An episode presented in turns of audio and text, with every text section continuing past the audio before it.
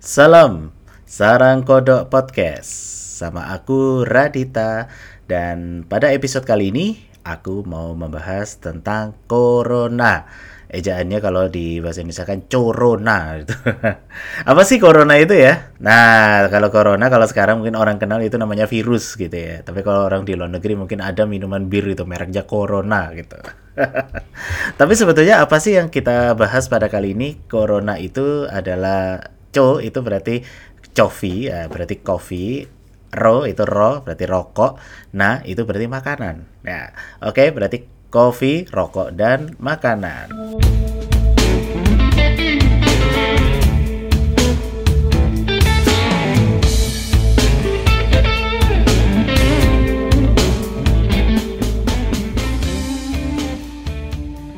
Oke teman-teman semuanya, pada corona ini aku mau ngebahas bukan soal virus ya, tapi juga bukan soal bir merek corona gitu. Tetapi apa yang mau aku bahas pada episode ini sebetulnya adalah membahas tentang uh, public spare gitu ya, tentang ruang publik yang di mana kopi, rokok dan makanan itu tentu tidak bisa lepas dari aktivitas masyarakat dalam tindakan komunikatifnya ketika kumpul di dalam satu kedai kopi atau dalam warung sebagai ruang publik.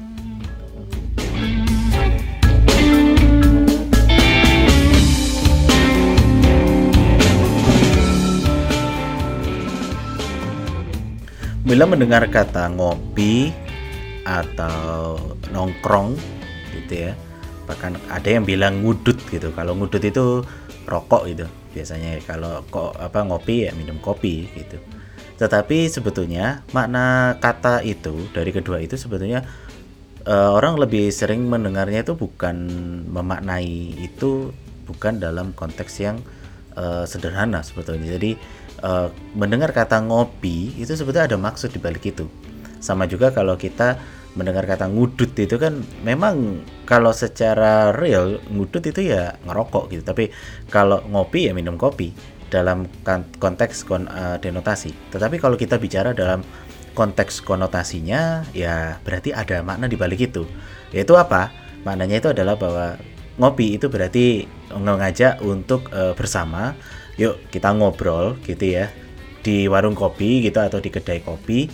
Uh, terkadang juga tidak harus di kedai kopi kalau kita misalkan mau ngajak teman untuk ngobrol atau nongkrong itu kan bisa saja misalnya kita di tempat bermain taman bermain gitu ya atau di halaman yang ada mejanya sama kursi atau mau lesehan sekalipun habis itu kita menyediakan uh, satu saset rokok gitu. Eh satu saset rokok.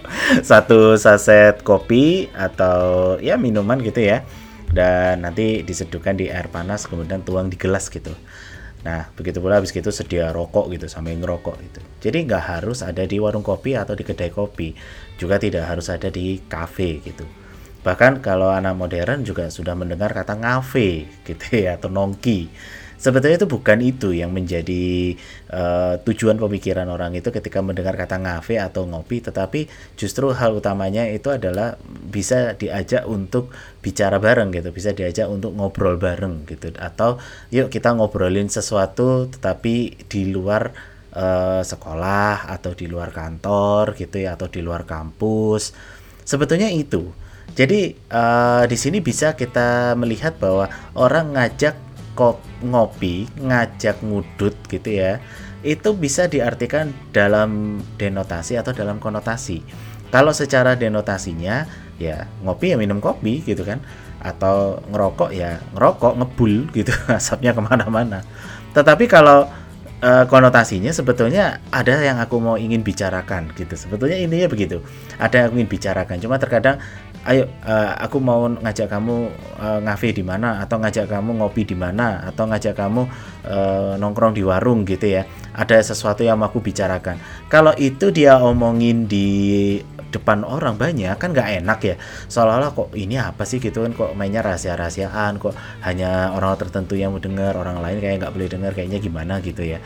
Jadi uh, sebetulnya penggunaan bahasa itu tuh sebetulnya juga tidak lepas dari sebuah tujuan tertentu nah inilah yang di, selalu uh, dibicarakan di dalam konteks semiotika itu seperti itu. Jadi dalam sebuah tanda bahasa, dalam sebuah makna bahasa itu pasti ada makna lain yang terkandung di situ. Nah, itulah yang sebetulnya juga dikatakan oleh uh, Ferdinand de Saussure itu ya dalam aliran strukturalis itu bahwa terkadang dalam sebuah satu benda itu memiliki uh, makna yang berbeda. Artinya dalam satu benda itu bisa memiliki makna di luar dari benda itu sendiri gitu kan? Ya sama aja tuh kalau kita bilang ngopi dalam denotasi kan benda gitu kan? Sebetulnya kopi. Kopi itu kan benda. Tapi kalau kita dalam konotasinya uh, ngopi itu bisa memiliki makna apa gitu kan? Maknanya ya kita ngajak ngobrol orang ngobrolin sesuatu ini suatu hal yang penting gitu ya. Nah ini yang terkadang digunakan oleh orang-orang itu dalam konteks permainan bahasa. Apa mereka apabila mereka uh, berinteraksi dengan orang lain atau berkomunikasi dengan orang lain di situ. Oke teman-teman sarang kode podcast ini sebetulnya kalau kita bicara dalam corona itu tadi ya kopi rokok dan makanan itu sebetulnya ada tiga hal yang kalau kita memaknai itu secara denotasi ya itu adalah sebuah benda. Rokok itu ya benda. Makanan juga benda. Ya kan? Kopi juga benda. Walaupun kopi dan makanan masuk ke perut kalau rokok diisep habis itu dibuang tetap aja hitungannya itu benda. Ya kan? Tetapi kalau kita dalam mana denotasi eh konotasi ya berarti itu tiga hal itu bisa kita terjemahkan berarti ada sesuatu gitu kan? Sesuatunya apa? Kalau orang aja ngopi itu pasti ada sesuatu yang mau dia bicarakan atau dia mau santai ingin ngobrol santai. Bahkan sampai dalam konteks ngobrol serius pun itu juga sama. Begitu pula kalau kita bilang ayo ngerokok gitu kan? Nah ayo ngerokok. Ngerokok itu mungkin dia ngerokok beneran tapi sebenarnya bukan itu tujuan utamanya. Karena kalau ayo ngerokok bisa jadi tujuan utamanya adalah eh, dia ingin mengajak nongkrong bareng atau ngobrol bareng gitu ya. Nah eh, hal-hal uh, seperti inilah yang terkadang di masyarakat tidak disadari gitu ya bahwa sebetulnya mereka itu sedang memainkan sebuah bahasa, memainkan struktur bahasa, memainkan sebuah makna, struktur makna. Nah, ini omongannya agak berat-berat dikit nggak apa-apa lah ya. Oke teman-teman semuanya.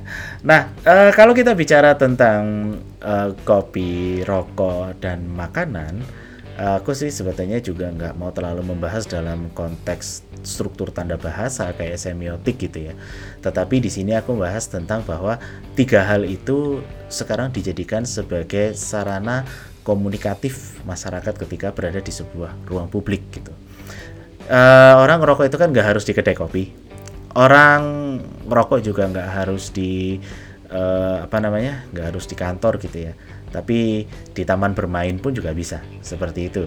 Nah, orang ngerokok, orang ngopi itu kan ketika dia berada di luar dari konteks kampusnya atau di di luar sekolah, di luar kantor, dia mampu berbicara tanpa ada uh, dominasi atau kekuasaan mana pun yang mengekang dia untuk berbicara. Bahkan berpendapat di warung kopi pun sebetulnya sifatnya adalah egaliter. Itu secara idealnya seperti itu ya. Makanya uh, orang kalau ngafe ngopi apa segala itu kalau bisa itu di luar dari wilayah uh, tempat dia bekerja, wilayah tempat dia bersekolah gitu kan atau di luar wilayah tempat dia berorganisasi supaya apa? Supaya orang itu kalau ngomong atau ngobrol dengan temannya atau nongkrong sama temannya ngobrolannya bebas, nggak nggak harus dikekang dengan aturan-aturan perkantoran, aturan bisnis dan lain sebagainya. Nah, itulah yang menjadi uh, ranah ruang publik seperti yang dikemukakan oleh Jurgen Habermas gitu. Tulisannya bingung deh, Jurgen atau jargon. Kalau orang Indonesia mungkin jadi jurigen gitu. Oke, teman-teman. Nah, apa ya sih yang menarik kita bahas dari kopi, rokok dan makanan ini gitu ya. Yang dibahas itu adalah tentang komunikasi di ruang publik sebetulnya. Tapi kalau aku ngomong tentang ruang publik itu jangan selalu diterjemahkan kayak RPTRA gitu ya, RPTRA gitu, ruang publik taman ramah anak gitu ya. Fungsi dari ruang publik taman ramah anak itu juga sebetulnya adalah fungsi ruang publik orang berkomunikasi sebetulnya. Artinya dia ruang itu kan ruang publik itu kan tidak berada di bawah dominasi siapa pun, tidak di uh, berada di bawah kekuasaan mana pun. Karena sebetulnya ruangan itu walaupun RPTRA mungkin dibuat oleh uh, eh, PT Pembangunan Jaya, kemudian diberikan kepada masyarakat, tetap ketika masyarakat berada di uh, ruang RPTRA itu ya dia bisa berkomunikasi ya dengan pola yang bebas gitu kan, selama masih memenuhi kaidah-kaidah etika-etika sosial. Nah, itu sebetulnya juga sama prinsipnya ketika uh, kita berada di warung kopi atau kita berada di kedai kopi. Itu kan juga begitu. Kita bisa ngobrol banyak kita ngobrol sepuasnya sambil ngopi sambil ngerokok kan gitu ya.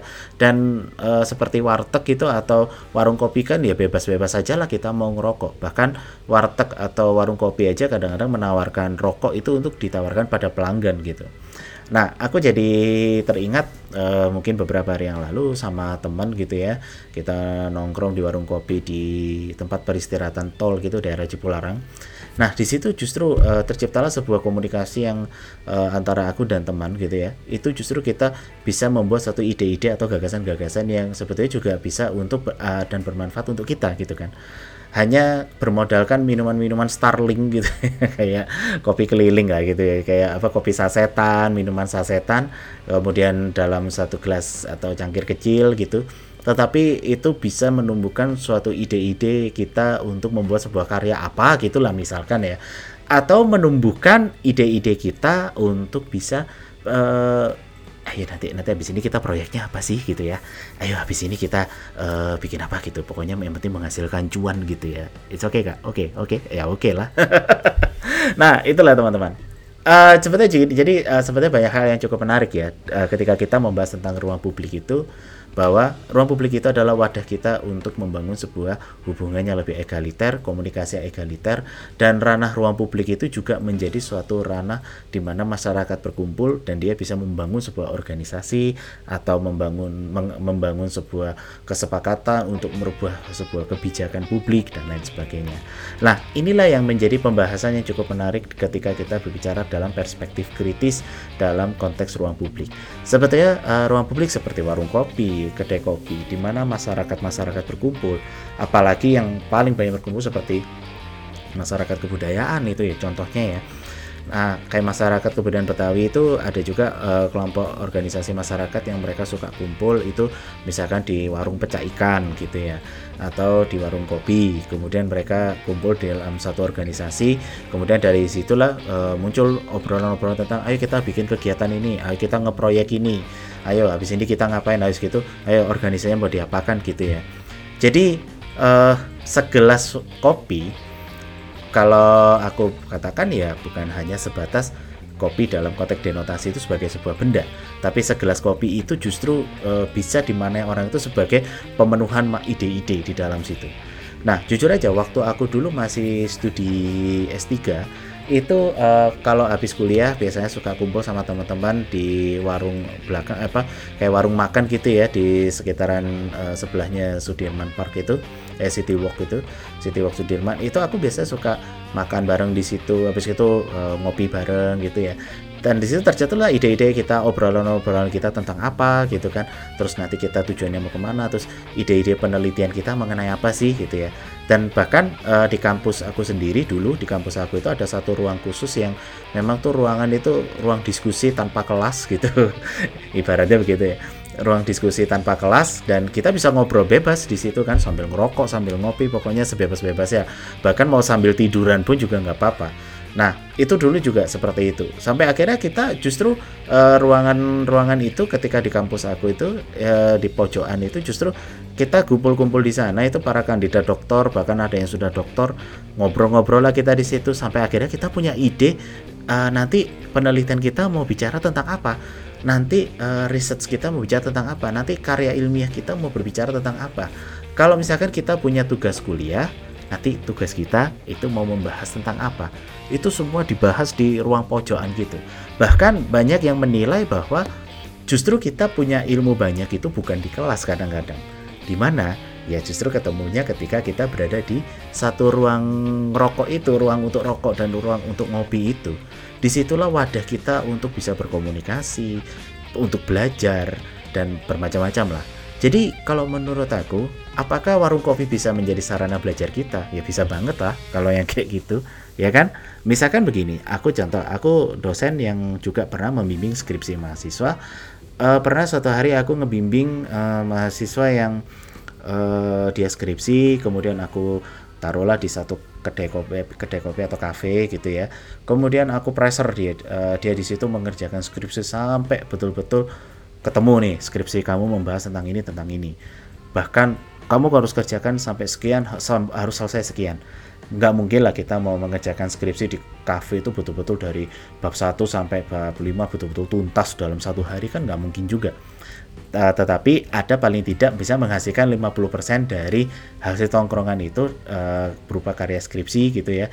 Dan nanti hasil karya skripsinya itu nanti bisa didiskusikan secara bebas kalau kita ada di warung kopi atau di cafe beda kalau kita misalkan bimbingan di kelas. Di kelas itu sering kali uh, menurut pengalaman aku, pengamatan aku, di kampus atau di kelas itu sering kali kurang begitu optimal dan tidak begitu maksimal dalam sebuah diskusi. Tapi ketika aku ajak ke kafe, yuk kita bimbingan di kafe, ngobrol di kafe, panjang lebar, a i w o gitu ya. Babi bu bebo. Nah, di situlah baru ketemu. Oh, ternyata ini, ternyata ini, ternyata ini. Dan mahasiswa skripsi kalau diajak dosennya untuk apa namanya mengerjakan skripsi di kafe, itu justru efektif ya. Tapi ya yang benar gitu loh. Jangan kemudian kayak dosen memanfaatkan mahasiswa untuk traktir makanan yang enak buat dia habis gitu bimbingannya nggak optimal ya kan? Lebih baik mungkin bimbingannya eh, apa namanya kita cukup minum satu gelas kopi atau air mineral gitu ya tetapi tongkrongannya lama gitu. Kita membahas hal-hal yang penting dan itu urgent banget untuk kepentingan penelitian mahasiswa. Ya makanya aku kasih tahu nih kepada seluruh dosen Indonesia ya jangan sampai menjadi dosen nanti nongkrong di kafe kemudian memanfaatkan mahasiswanya supaya bisa traktir macam-macam. Oh, itu nggak etis namanya. Tapi kalau misalkan kita di kafe kemudian kita jadikan sebagai sarana diskusi supaya mahasiswa bisa fokus untuk belajar. Nah, itu akan jauh lebih bagus. Ya kan? Kemudian yang berikutnya bagaimana kalau itu ada di ranah profesi? Nah kalau kita berada di ranah profesi tentunya uh, warung kopi itu bisa menjadi sebuah obrolan untuk proyek gitu ya untuk bisa mendirikan uh, sebuah proyek atau mungkin uh, ketika kita berada di warung kopi gitu ya kita membahas tentang suatu proyek kita nanti bisa melibatkan beberapa pihak daripada ketemuan di kantor yuk kita ketemuan di cafe gitu. Nanti obrolannya kan pasti kita lebih bebas lebih luwes gitu ya nggak terikat dengan macam-macam gitu. Ini uh, sebetulnya saran aku yang seperti ini bukan berarti terus nanti apa namanya teman-teman sarang kodok uh, teman-teman frogis kemudian di kafe lama-lamaan nggak balik-balik gitu habis gitu jadi malas kerja. Nggak gitu.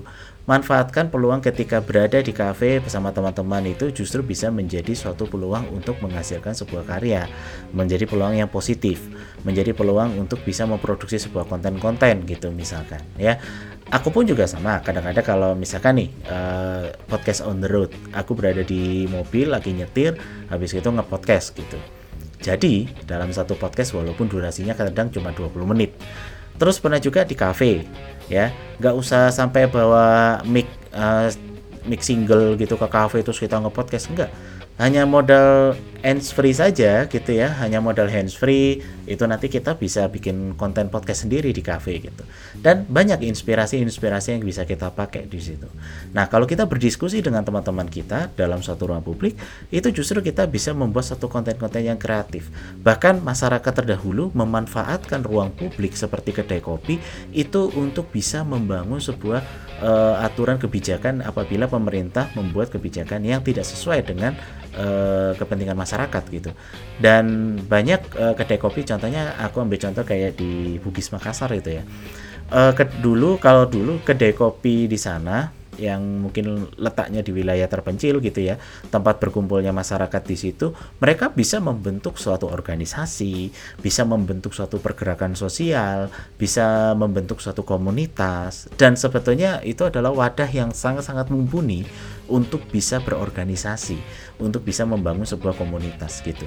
Tetapi sayangnya ketika ada media sosial seperti halnya Facebook, atau seperti WA grup gitu ya atau Line, Telegram akhirnya uh, intensitas untuk pertemuan kepada antar antar individu di dalam kedai kopi itu justru suka, uh, semakin berkurang gitu, semakin minus. Karena anggapannya membentuk sebuah komunitas dilakukan di uh, virtual itu lebih mudah dan tidak susah gitu ya.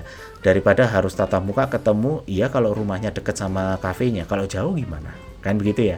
Apalagi di masa pandemi COVID-19 seperti ini itu intensitas bertemu dengan orang untuk melakukan interface itu sangat-sangat minim. Bahkan susah kita untuk bisa berkomunikasi dengan orang lain dalam tatap muka. Bahkan kita harus mengurangi pertemuan tatap muka dengan orang lain. Nongkrong di kafe itu sebenarnya harus dikurangi. Bahkan kalau bahkan kalau bisa ya udahlah dihentikan dulu untuk sementara waktu. Ya kan? Sehingga di sinilah uh, fungsi kedai kopi sebagai ruang publik pun juga semakin menurun. Nah kalau kita bicara dalam konteks Habermas di sini sebetulnya ruang publik itu luas mau di kedai kopi ya bisa, mau di kafe ya bisa, restoran atau mau di Facebook bahkan di uh, eh, WA group, di Line, Telegram dan lain sebagainya yang sejenis bisa berkomunikasi digital virtual pun tetap masuk dalam ranah ruang publik. Karena apa? Karena di dalam ruang publik itulah manusia itu sebetulnya berada dalam suatu lingkaran rasionalitas komunikatif. Artinya bahwa ketika orang berkumpul di dalam satu wadah ruang publik, maka di situlah akan memunculkan yang namanya sebuah tindakan komunikatif. Nah, Habermas memandang konteks tindakan komunikatif ini dalam perspektif kritis. Kenapa? Karena dalam suatu wadah ruang publik itu terkadang itu bisa menjadi suatu bentuk pergerakan sosial, bisa membentuk sebuah organisasi, bisa membentuk sebuah komunitas. Aku pernah meneliti uh, sebuah kedai kopi yang tempat nongkrongnya para jurnalis, para wartawan yang ternyata di dalam kedai kopi itu sering uh, dilakukan atau menyelenggarakan acara kedai uh, apa ya kedai itu seperti diskusi politik. Kemudian di kedai kopi itu menyelenggarakan uh, pertemuan rutin antar jurnalis gitu ya atau e, mengadakan pertemuan-pertemuan yang tidak terjadwal, tidak teratur, pertemuan dadakan antar wartawan sampai akhirnya mereka bisa membentuk suatu e, pergerakan suara yang di mana mereka sebetulnya juga tidak apa ya tidak serak dengan adanya aturan-aturan regulasi pemerintah tentang undang-undang ITE regulasi pemerintah yang mengekang dari ke, apa namanya e, kebebasan pers. Dan mereka di dalam kedai itu justru membentuk suara-suara itu supaya bisa diaspirasikan melalui uh, organisasi pemerintahan yang mengelola media massa dan pers. Misalkan mereka ingin menyuarakan uh, tentang aspirasi mereka ke uh, PWI misalkan atau uh, ke Dewan Pers gitu ya. Dan itu kedai kopi itu menjadi wadah untuk berkomunikasi. Kemudian ada pula uh, aku pernah menemukan satu kedai kopi yang unik gitu ya sebetulnya uh, di mana masyarakat ini kan ingin adanya suatu komunitas main catur gitu. Dan kebetulan ada satu kedai kopi juga di Surabaya yang ternyata bisa loh uh, menjadi tempat berkumpulnya para pecinta pemain catur gitu. Dan ada juga orang yang secara nyeletuk gitu dia bilang waktu itu aku tanya gitu ya apa sih anaknya nongkrong di warung catur kayak gini gitu ya? Karena kenapa dikatakan warung catur itu? Karena mejanya itu kayak meja catur gitu kan uh, hitam putih hitam putih terus bahkan disediakan pion-pion juga gitu walaupun pion-pion yang sudah jelek gitu atau sudah usang gitu ya. Tapi mereka tetap bisa main di situ.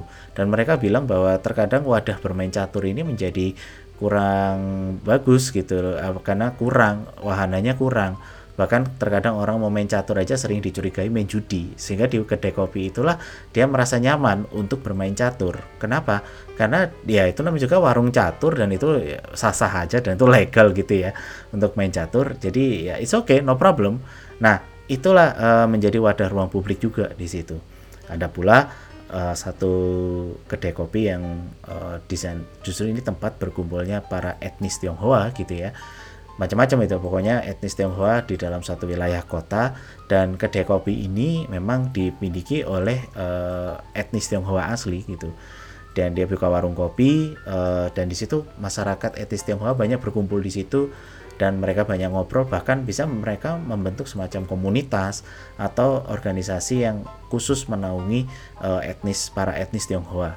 Jadi uh, di sinilah uh, para etis Tionghoa itu kemudian membuat suatu pergerakan di mana mereka pun juga menginginkan adanya emansipasi. Mereka menginginkan adanya pengakuan keberadaan mereka berada di suatu wilayah yang membuat mereka menjadi masyarakat minor gitu. Dan mereka ingin mendapat pengakuan dari kalangan masyarakat mayor dalam suatu kota ataupun dalam suatu negara.